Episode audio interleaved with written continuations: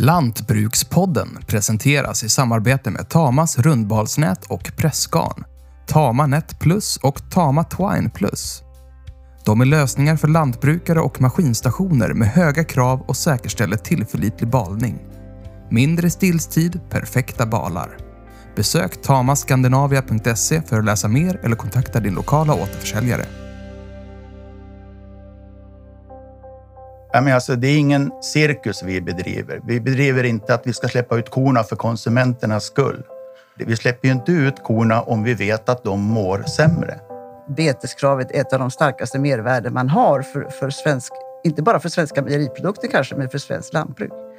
Vårt budskap har ju varit att man tar en jättestor risk om man urvattnar det här.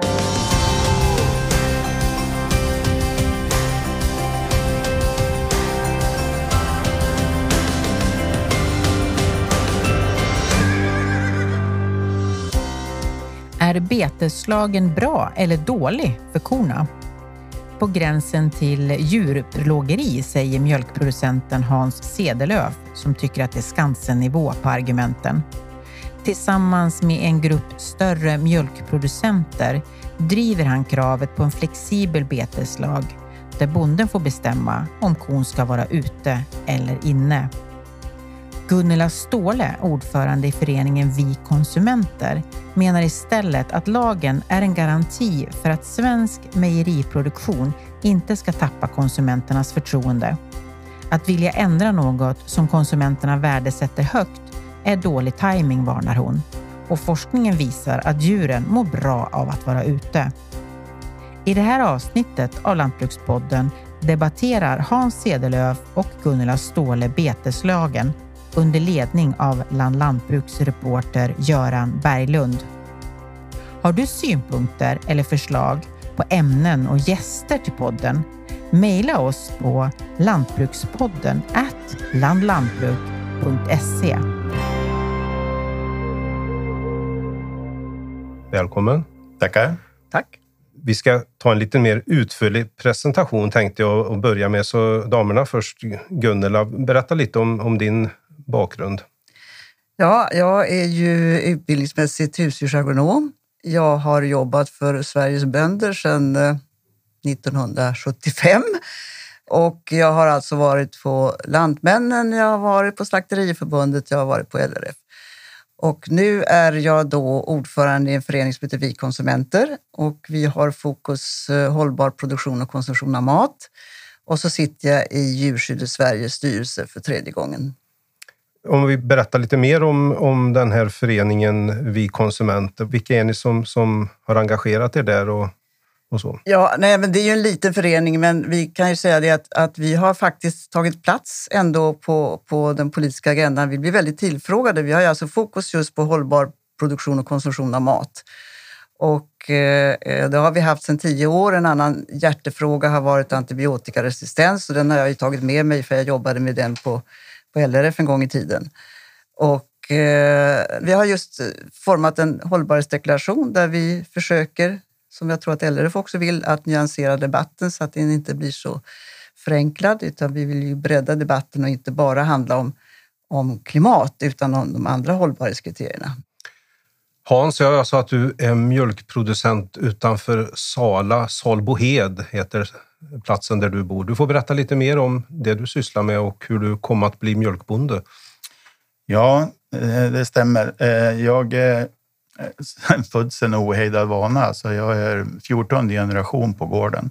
Så jag bedriver mjölkproduktion hela tiden. Då. Sen 86 så klev jag in med mer ansvar då, så att säga. Så att, eh, sen 86 har vi bedrivit mjölkproduktion och eh, vi har väl följt utvecklingen i att vi har dubblerat vår besättning ungefär var tionde år när Sverige som helhet har halverat besättningarna. Så har vi dubblat besättningen.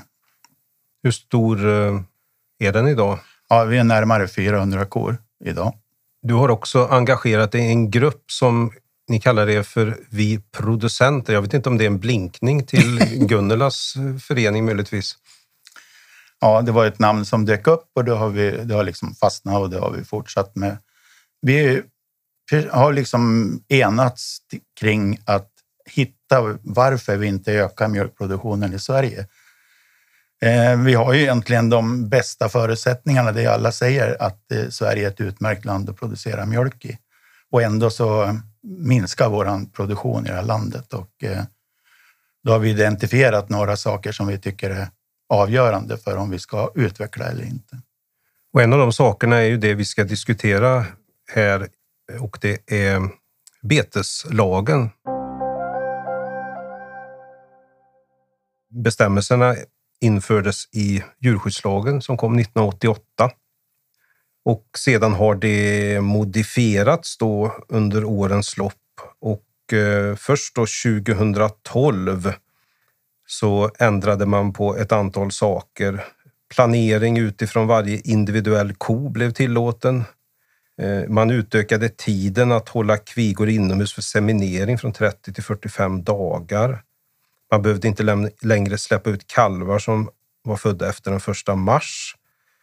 Och det blev även lägre krav på dagar eh, ute på bete beträffande ungdjur och så gjorde man möjlighet till undantag vid onormala väderförhållanden, risk för rovdjursangrepp, allvarliga insektsangrepp och djur anmälda till slakt innan 15 juni. Om vi, om vi börjar med de förändringarna som trädde i kraft 2012, Hans, vad, vad innebar de för, för din del? Ja, egentligen som kommer man ju inte åt kärnfrågan i alla fall, utan det är lite enklare att, hålla sig inom ramarna bara. Men eh, själva grundproblemet kommer man ju inte åt. Då. Utan att det är ju då att vi, vi har svårt att näringsförsörja eh, kor på bete. Vi har svårt att få kvigor att växa på bete också. Och det, det hänger ihop med aveln och de framsteg som har gjorts. När de förändringarna gjordes 2012, Gunnela, vad minns du kring debatten då och den diskussionen som var? Nej, alltså betesfrågan som sådan, jag har ju varit engagerad i djurskyddsfrågorna jättelänge och även hade ju det ansvaret när jag satt på LRF. Eh, den har ju kommit med, med, med ojämna mellanrum, den här diskussionen att förenkla och, och underlätta och så vidare. Så att, eh, just det här ifrågasättandet är ju inte nytt i och för sig, utan, utan jag vet att jag blev väl intervjuad av, av Land faktiskt och sa att eh, det är bra med förenklingar, men huvudsaken är att man ser till att korna ändå får vara ute den tid som, som man... Så man ändrade ju inte de tiderna egentligen. Va?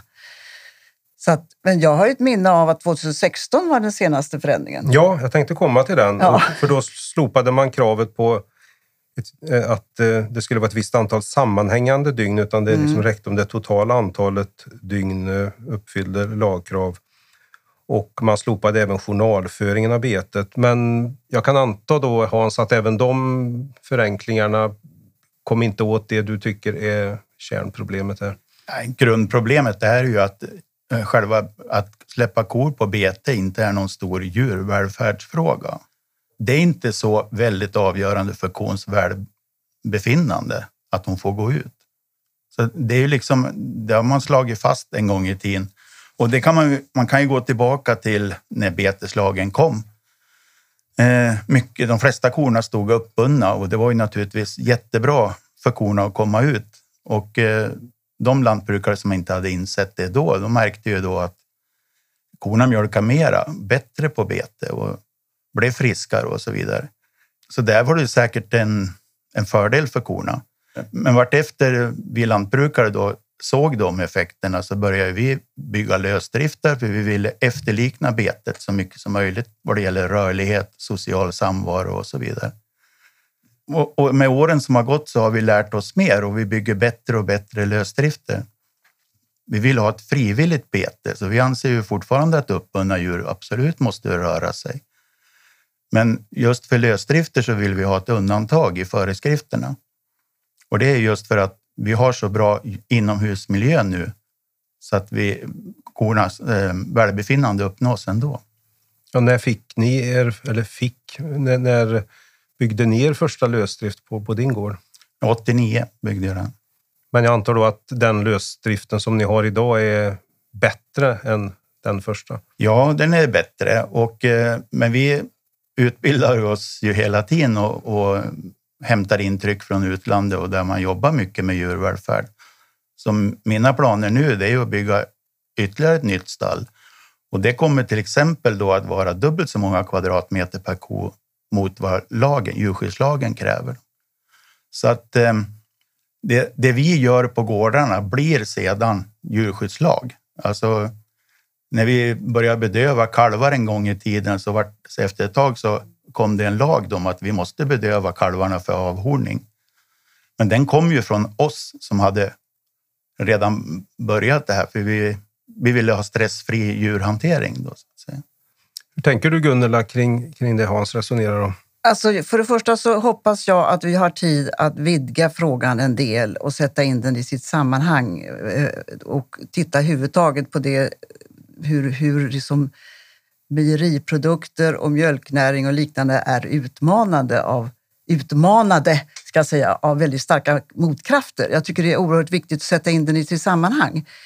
Eh, nu är det så att vi har ju en ny djurskyddslag, förhållandevis ny, från 2019 och den djurskyddsutredningen gjorde ju en ordentlig genomlysning av alla fakta kring den gamla djurskyddslagen och inklusive det som stod i djurskyddsförordningen.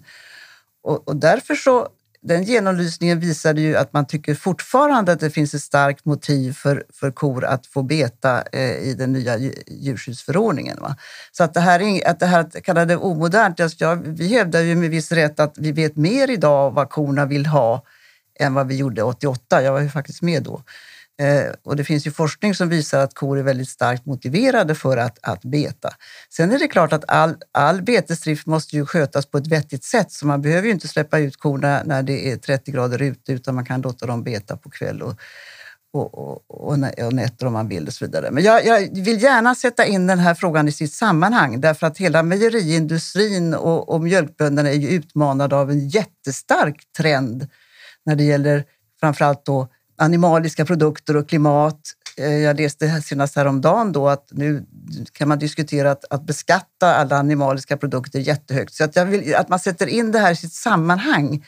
Att jag som försöker faktiskt försvara kons rätt i, eftersom vi har goda förutsättningar för att ha kor och vallen har stor betydelse och liknande. Så därför tycker jag det är jätteviktigt eftersom vi konsumenter och dagligvaruhandeln är väldigt tydliga med att vi anser med viss rätt att beteskravet är ett av de starkaste mervärden man har för, för svensk, inte bara för svenska mejeriprodukter kanske, men för svenskt lantbruk. Så att alltså, vårt budskap har ju varit att man tar en jättestor risk om man urvattnar det här eh, och, och liksom ändrar djurskyddsförordningen därför att eftersom det är ett så starkt mervärde så, så är det en jätterisk. Jag tror att mejerimarknaden har svårt ändå att försvara sin plats i den diskussion som pågår när det gäller framförallt då, eh, rött kött, mejeriprodukter och klimat. Och det är därför som vi försöker jobba med att, att bredda frågan till att inte bara handla om klimat utan också biologisk mångfald och liknande. Sen accepterar jag ju dina argument. Jag förstår ju dem. Jag har ju själv liksom jobbat för Sveriges bönder så jag förstår ju dem. Men, men vårt klara besked är att tajmingen är jättedålig idag att frågasätta någonting som, som konsumenterna värdesätter högt och som dagligvaruhandeln säger är ett unikt och bra mervärde. Så, att, så att det är egentligen den varning som jag vill skicka med att man tar en stor risk just i den här diskussionen animaliska produkter och klimat. Men hur tänker du då kring att så många svenska konsumenter gladeligen köper importerad ost då, som, där man inte har några garantier för att korna har betat ute. Nej, men precis. Jag har varit på eh, alla mejeriföretag i de senaste fem åren och sa ni måste ju kommunicera de mervärden som finns. Och då hävdar man ju bestämt att konsumenterna bryr sig inte om det. Ja, men man har ju aldrig prövat överhuvudtaget kommunicera svensk ost. Nu gick jag på svensk märkning häromdagen och sa det. De hade massa argument för svensk ost och sa ta, ta med det starkaste mervärdet, det är att de svenska korna betar och då eh, tog man ju till sig det. Va? Eh, och det är ju aldrig prövat egentligen, eh, den, de starka argumenten att, att det här, det här... Sen kan det vara, säkert vara så att man behöver produktutveckling och liknande. Eh, och jag tycker att svenskmärkningen är, är otydlig. Du får inte den signalen att du köper svensk ost som kommer från svenska betande kor. Jag tycker att man har fullkomligt misslyckats i sin kommunikation. För, för det är ju osten som är vårt problem, där vi har bara 40 procent svensk marknadsandel. Visst är det så. Man tar en risk, eh, säger Gunnela här, att, att eh, avveckla det obligatoriska betet. Hur tänker du kring det Hans? Ja, eh, Gunnela sa ju här att det finns flera forskarrapporter som visar då att kon har en vilja att gå ut. Och eh, vi har ganska grundligt gått igenom de forskarrapporter som finns. Och de som finns är väldigt gamla och de visar också på ganska lågmjölkande kor som eh, långt i laktationen, de mjölkar lite och de väljer att gå ut om dörren är öppen. Eller de forcerar en dörr som är öppen. Men korna har också en minst lika stor vilja att gå till sin bädd och gå och lägga sig och så. Så att forskarrapporterna, jag tycker det är fel att använda gamla rapporter. Ja, hur gamla är de egentligen? Ja, det är sedan 90-talet, de, de flesta rapporterna är 90-talet. Eh, den, den, som, den som är väldigt tydlig, den är ju från 2017. EFSAs, alltså den Europeiska eh, livsmedelssäkerhetsmyndighetens genomgång är från 2009. Eh, Karin Alvåsen då på Lantbruksuniversitetet, hennes rapport är från 2015. Sen finns det ju egentligen inga fakta som säger att beteendet har ändrats. Det är ju det som lagen säger, att naturligt beteende har ju egentligen inte ändrats hos korna och det finns ingenting som säger att det är skillnad mellan Eh, som påverkar att avkastningen skulle påverka beteendet. Det är ju likadant som på Alltså suggor vill bygga bo och det har ingenting med att aveln eh, liksom har förändrat eh, både avkastning och, och utseende och liknande. Så att, alltså, knäckfrågan är ju egentligen, alltså djurskyddslagen säger en sak och den har riksdagen tagit och, och här finns ett jättebra exempel. Alltså suggarnas behov av att bygga bo är, är ett, tyd, ett tydligt exempel på naturligt beteende och kors önskan om och motivation för att gå, på bete är också ett jätteexempel, bra exempel på djurskyddslagens paragraf. Gunnela, det finns ju rapporter, det vet ju du också, som visar, säger precis tvärtom. Vi hörde ju senast när Cook presenterade och det var ett fåtal kor som gick ut. Om de fick möjlighet att välja så var det ett fåtal kor, de var låglakterande och de gick ut på kvällstiden när det var svalt. Vi, vi har en betesförordning här som säger att alla kor ska ut och vi har eh, en nitisk tjänsteman som kommer från Länsstyrelsen kan tvinga mig att fösa ut alla djur vare sig de vill eller inte. Och alltså, att man inte litar på bondens kunskap om att avgöra när en ko ska ha det bra ute eller inne. Det är liksom eh, diskriminera hela vår yrkesstolthet. Då. Så du gör oss en väldig otjänst. Fast du säger att du jobbar för Sveriges bönder så gör du oss en väldig otjänst. Sen vill jag gå tillbaka då att konsumenterna förväntar sig, eh, som var inne på, att eh, korna ska gå på bete. Konsumenterna vill se kor på bete. Ja, men alltså, det är ingen cirkus vi bedriver. Vi bedriver inte att vi ska släppa ut korna för konsumenternas skull. Vi släpper ju inte ut korna om vi vet att de mår sämre. För att då, alltså vi äventyrar inte djurvälfärden för att konsumenten vill se någonting. Och den marknadsrisken, den, den får mejerierna hantera. De får välja ut gårdar som har korna på bete och ta mer betalt för det. Men alltså vi, om vi säger att vi har hög produktion i en besättning så kan vi inte utsätta dem för sol, värme och liksom eh, parasiter. De ska gå och beta åtta timmar istället för att äta fyra timmar. De kommer att stå på benen längre tid. Det finns inget som säger att det fysiologiskt är bättre för kon utan man hänvisar till att det är ett gammalt beteende som vi ska vidhålla. Och då är vi på Skansen-nivå. Ja, jag vet att eh, du nämnde vid ett annat tillfälle att det är ju inga hönor som, som ruvar på ägg längre heller, utan när kycklingarna ska födas, utan det, det sköts i maskinellt. Och att vi har ju inom andra djurslag gått ifrån de här naturliga beteendena för lantbruksdjuren. Hur tänker du? Nej, nej Alltså, ja visst, det har vi gjort. Därför att det, det, det är ju så att, och det här kan vi vara överens om att, att alltså global handel, prispress och liknande har haft, eh, skapat massa problem. Inte bara liksom för djuren utan för vår växtodling därför att intensiteten blir hög och liknande. Men däremot när det gäller alltså det här med, med kornas beteende och liknande, där tror jag inte vi kommer bli överens. Och eh, eh eftersom de forskarrapporter som jag redovisar till, de är inte gamla och eftersom djurskyddslagen innebar en ordentlig genomgång så säga, av de, den kunskap som fanns så måste vi faktiskt förlita oss på att det här med naturligt beteende är en jätteviktig punkt och det är ju ingenting, eh, ingenting unikt för Sverige att man, man syftar till det därför att man ser att det finns fördelar med det också. Vi kommer inte bli överens i den här frågan. Nej. Och, eh, och det, det är också så att alltså, vi kan inte... Alltså, lagstiftning ska givetvis bygga på vetenskap och beprövad erfarenhet och eh, med, med, med en djurskyddslag som ändå är bara två år gammal så, så tycker jag det känns viktigt. Och sen, sen Nej, det är klart att man inte ska ha kor på, eh, ute bara för att konsumenterna vill det. Utan men bara för att vi tycker att det, det, är viktigt att kor eller djur överhuvudtaget är ute så måste man ju lyssna på marknaden. Så att, vi vidhåller vi att det finns en risk man tar om man precis i den här diskussionen kring om vi överhuvudtaget ska acceptera animaliska livsmedel, alltså kött och mjölk och liknande, är oerhört utsatta eh, för, för liksom kritik och klimatpåverkan och liknande, så är det att då i det läget så säga, säga nu tar vi bort det som faktiskt både konsumenter och dagligvaror anser som ett jätteviktigt mervärde är fortfarande... Alltså jag tycker om vi, vi vänder på det, om vi säger att vi är överens om att kon har inte sitt betesbehov bortavlat. Det finns säkert där. Men att det skulle vara så viktigt som Gunnela påstår, det vill jag starkt dementera. För att om man tvingar ut en besättning på bete för att följa betesförordningen så drar det med sig massa negativa saker. Vi kan inte näringsförsörja henne på betet. Vi har alltså en, resten av året har vi en komplett fullständig foderstat som ska uppfylla hennes näringsbehov.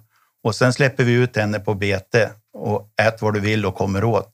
Hon har göra dubbelt så länge för att försörja sig. Hon kommer ändå inte att räcka till i näringsförsörjning. Hon kommer att bryta ner kroppsfett. Vi får mjölk med lägre fetthalt och fetthaltsdepression det är något som vi ser som en sjukdomsmarkör. Så att eh, det, är en stor risk vi tar där och, och dessutom ska vi titta på djurskyddslagen så är min skyldighet att se till att djuren är näringsförsörjda. Och det kan inte jag garantera om jag släpper. Så du menar att det blir en konflikt här då mellan ja. olika paragrafer i, i djurskyddslagen? Ja, du har djurskyddslagen som en grund och sen har du föreskrifterna mm. som gör att det är omöjligt att uppfylla djurskyddslagen.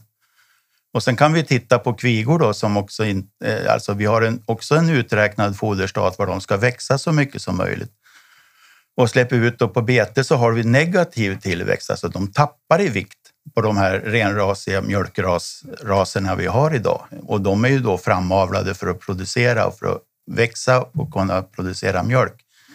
De klarar inte det, utan när de kommer in på hösten då får vi liksom börja om och ta hand om dem och, och börja om från början. Och det känns som att vi tappar tre månaders tillväxt.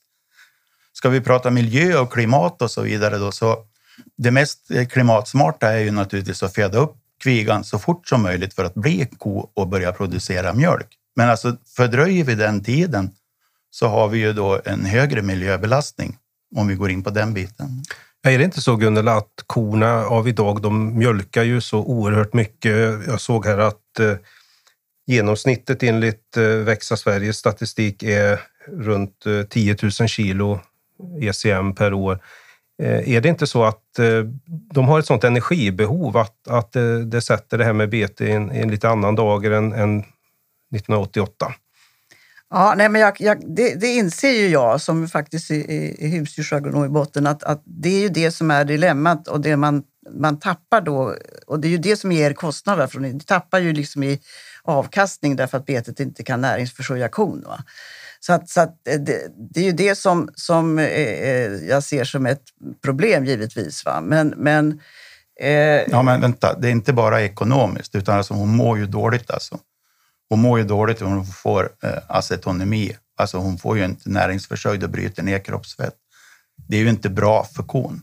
Men då, då undrar jag, jag har haft en lite synpunkter på Arlas både marknadsföring och satsning på Arla ko.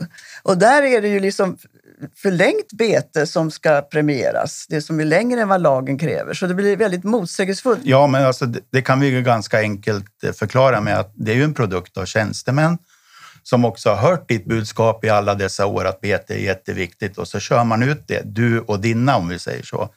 Eh, det finns lika eh, tjänstemän inom LRF och alla organisationer som liksom tror att eh, vi har världens hårdaste djurskyddslag. Vi behöver inte ändra någonting för att vi är så bra. Och då säger man vi har bete och så för man fram det. Men frågar du en Arla-leverantör så håller han inte med tjänstemännen om att det extra betet är att det gäller för alla. Vi ska väl säga också att jag inte pratar för alla lantbrukare i Sverige. Det finns jättemycket lantbrukare som har perfekta för, förutsättningar mm. att ha korna på bete. Mm. Och de kanske har en annan nivå på avkastning, de kanske har en annan nivå på annat så att säga. Så mm. att det, det, är bättre för dem att släppa ut för bete. Vi, alltså, det är viktigt att vi kommer ihåg att vi vill inte förbjuda bete. Vi ska inte stänga in korna. Nej, jag har också kor ute. Mm. Liksom, jag kommer att ha kor ute. Men det kanske är de här korsningsdjuren jag vill ha ute. Dem. Ett stort problem är att det inte byggs nya platser. Och då, då säger vi att vi vill ha så bra inomhusmiljö som möjligt. Det är ändå 94 procent, om man räknar bort årets alla timmar där korna måste vara på bete, så är det ungefär 6 procent av årets alla timmar korna ska vara på bete. 94 procent är korna inomhus i lösdriftsstallar eller uppbundet. 94 procent av tiden måste vara viktigare att skapa så bra miljö som möjligt året om. Och jag menar, om många tvekar nu, vi har gjort intervjuer med eh, över hundra lantbrukare som har över snittet i, i, i besättningsstorlek. Och jag tror det var 95 procent som sa att det, beteslagen gör att de inte vill bygga ett nytt stall. För de, ska de öka sin besättning så kommer de inte att kunna klara beteskravet.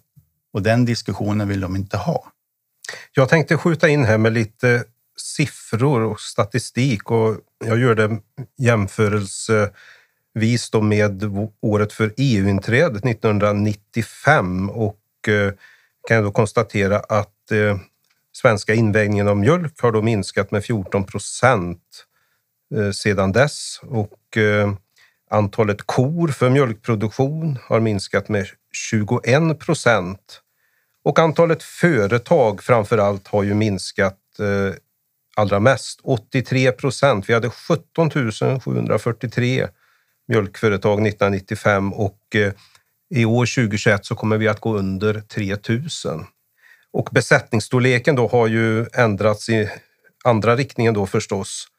Medeltalet 1995 var 27 kor och den mest aktuella siffran jag fick fram var från 2017 och då låg den på 85 kor. Den lär ju ha ökat de på, på senare år. Ehm, ja, hur tänker du Gunnela kring den här statistiken? Alltså svensk mjölknäring minskar eh, över tid och Eh, det finns liksom inga tecken som tyder på någon vändning. Ja, alltså det här är ju lite motsägelsefullt. Jag deltog ju i den här eh, Mjölkens dag i riksdagen då i mars och, och då, då, konstaterade ju många med glädje att mjölkinvägningen ökade förra året och antalet kor ökade. Ja, det finns ju små trendbrott ja, i ja, den här ja, men alltså, långa då kan linjen. säga, vi kan ju hoppas att, att, att det blir så, men jag, jag kan ju känna det att eh, jag har fullt sjå att försöka argumentera att kon har sin plats.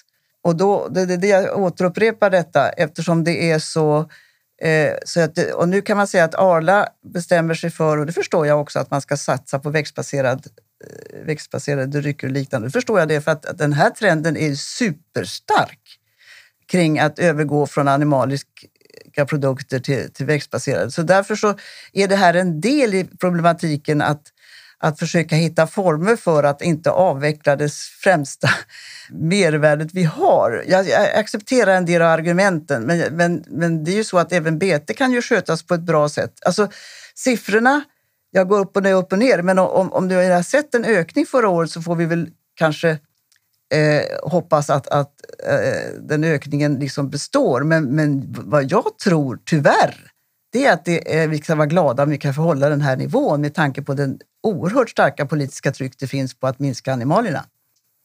Ja, Hans, mm. hur ser du på det? Nej, men jag tycker vi har ju ändå, om man tar alla mejeriprodukter så kommer vi bara upp till 70 eh, procent av den totala konsumtionen i Sverige.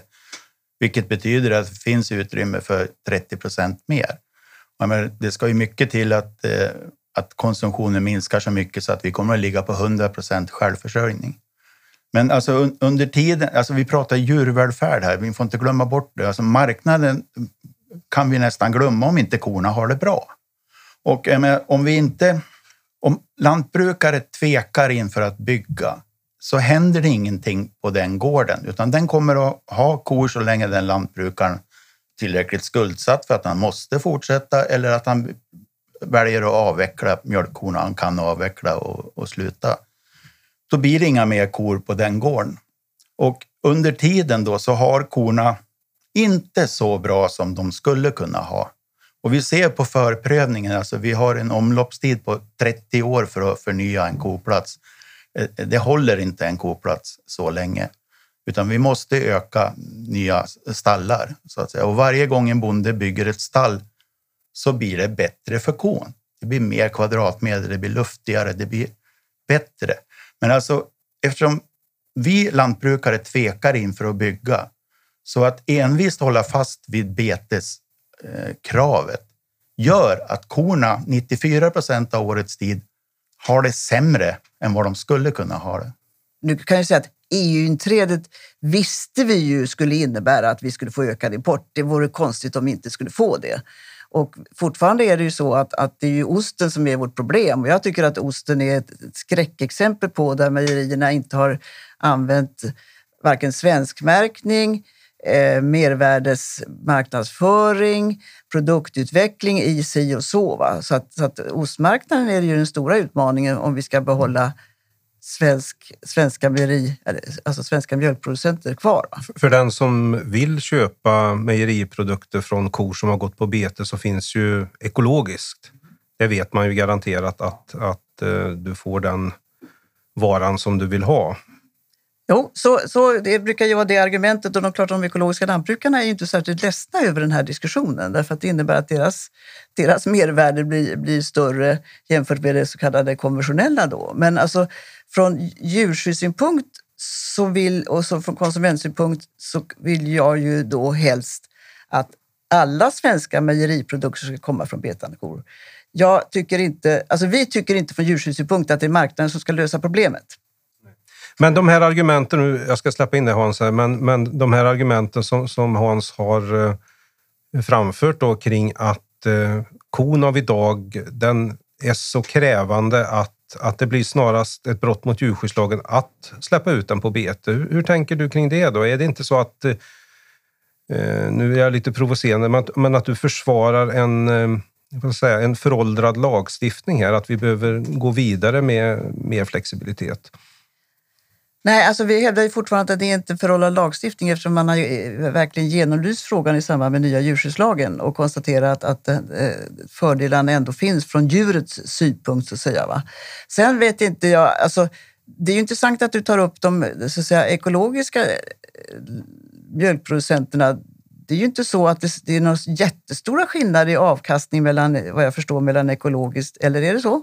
Och konventionell jag tror inte det. Det, det är nog lika spritt mellan ekologiska Exakt. gårdar som det är konventionellt. Så det innebär ju att det finns eh, eh massor med... Eftersom ekologiska mejeriprodukter har ju varit en ganska stor del av den ekologiska marknaden så finns det ju... Ett, jag vet inte hur många de är, eh, de ekologiska mjölkbönderna, men de är ju ganska många.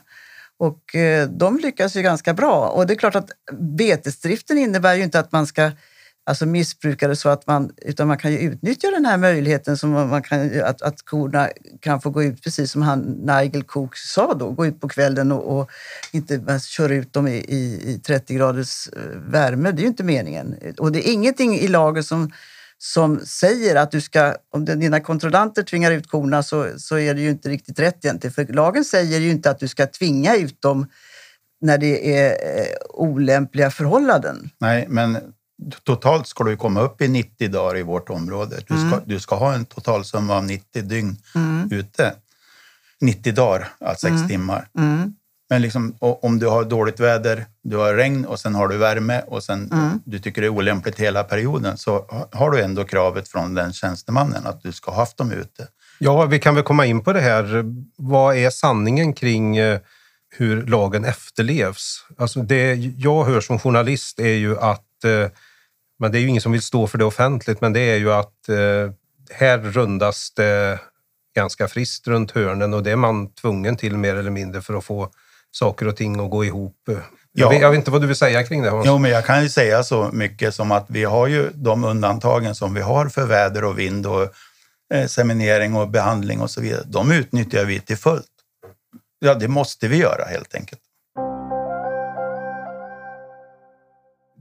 Ni har ju ritningar och eh, ni har sökt tillstånd för att eh, inte bara fördubbla utan tredubbla från dagens 400 till 1200 platser.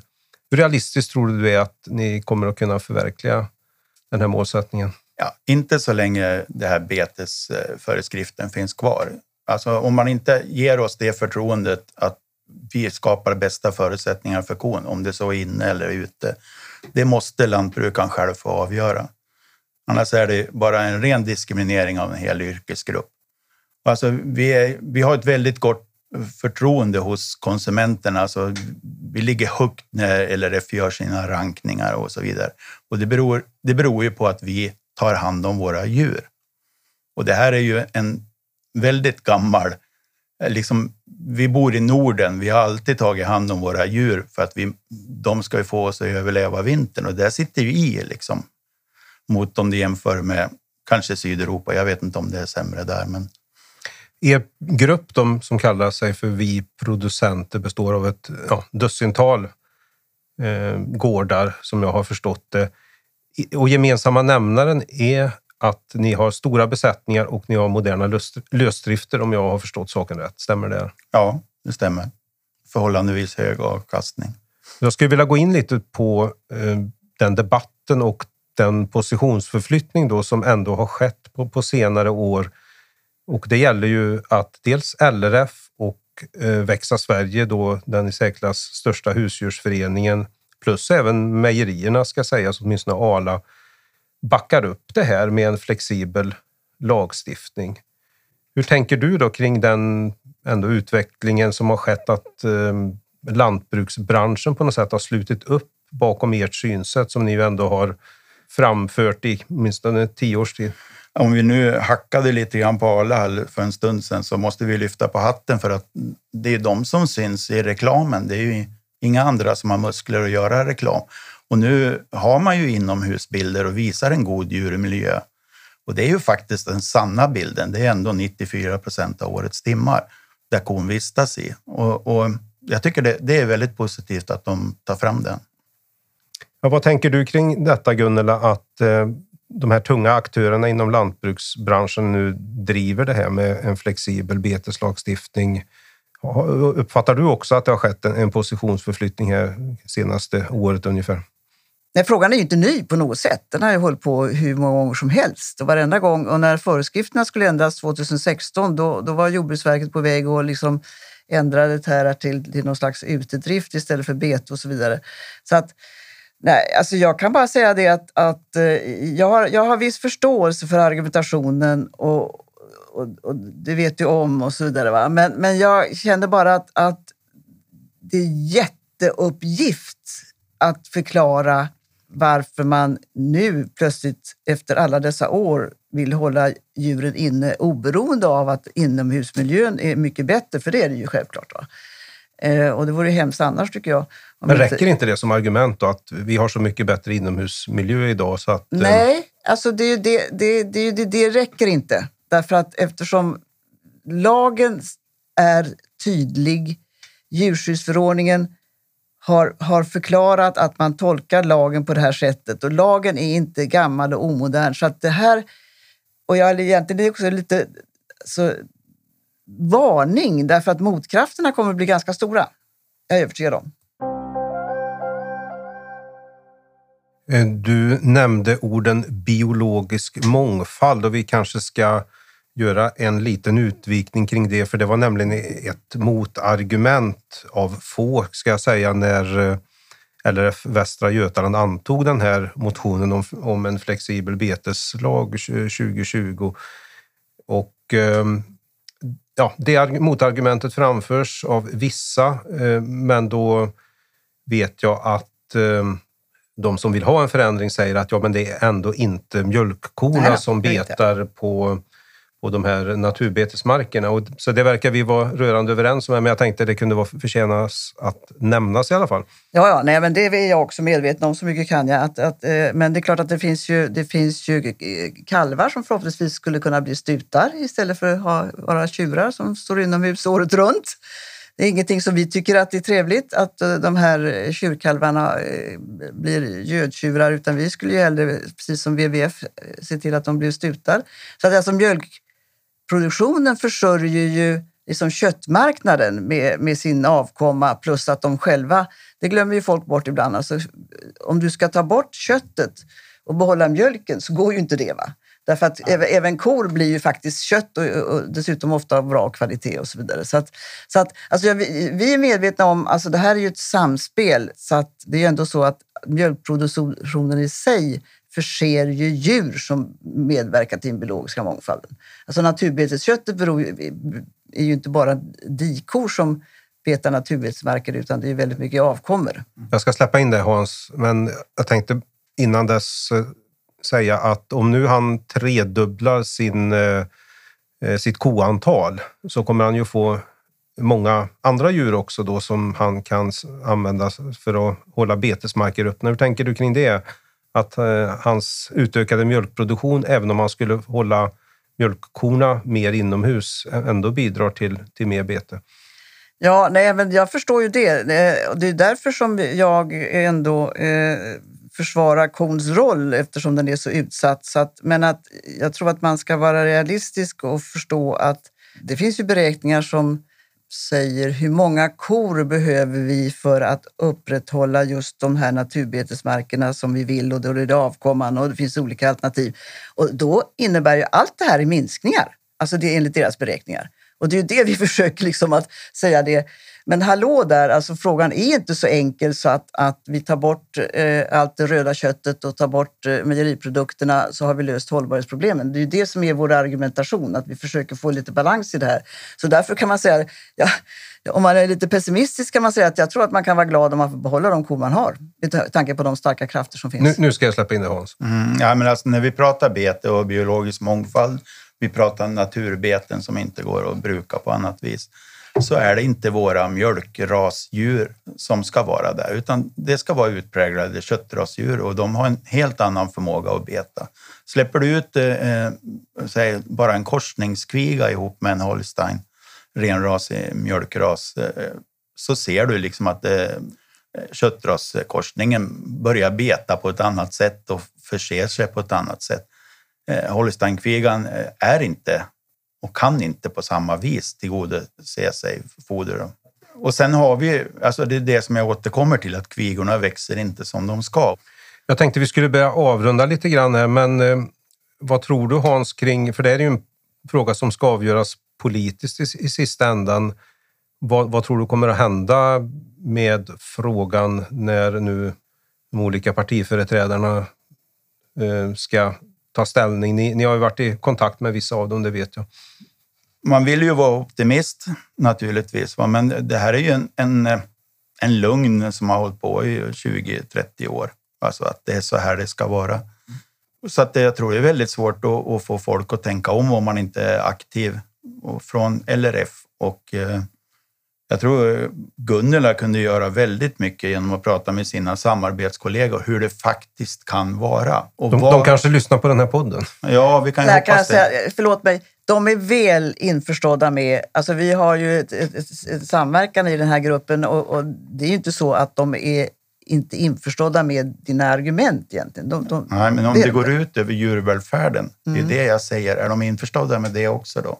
Ja, det, men det, det, det, är ju där vi inte riktigt överens över framförallt djurskyddslagens två delar. Att, att man ändå ska tillgodose det naturliga beteendet. Ja, men, det är där vi inte är överens. Nej, men djurskyddslagen är ju, är ju liksom felaktig då i sitt antagande att betet är så viktigt.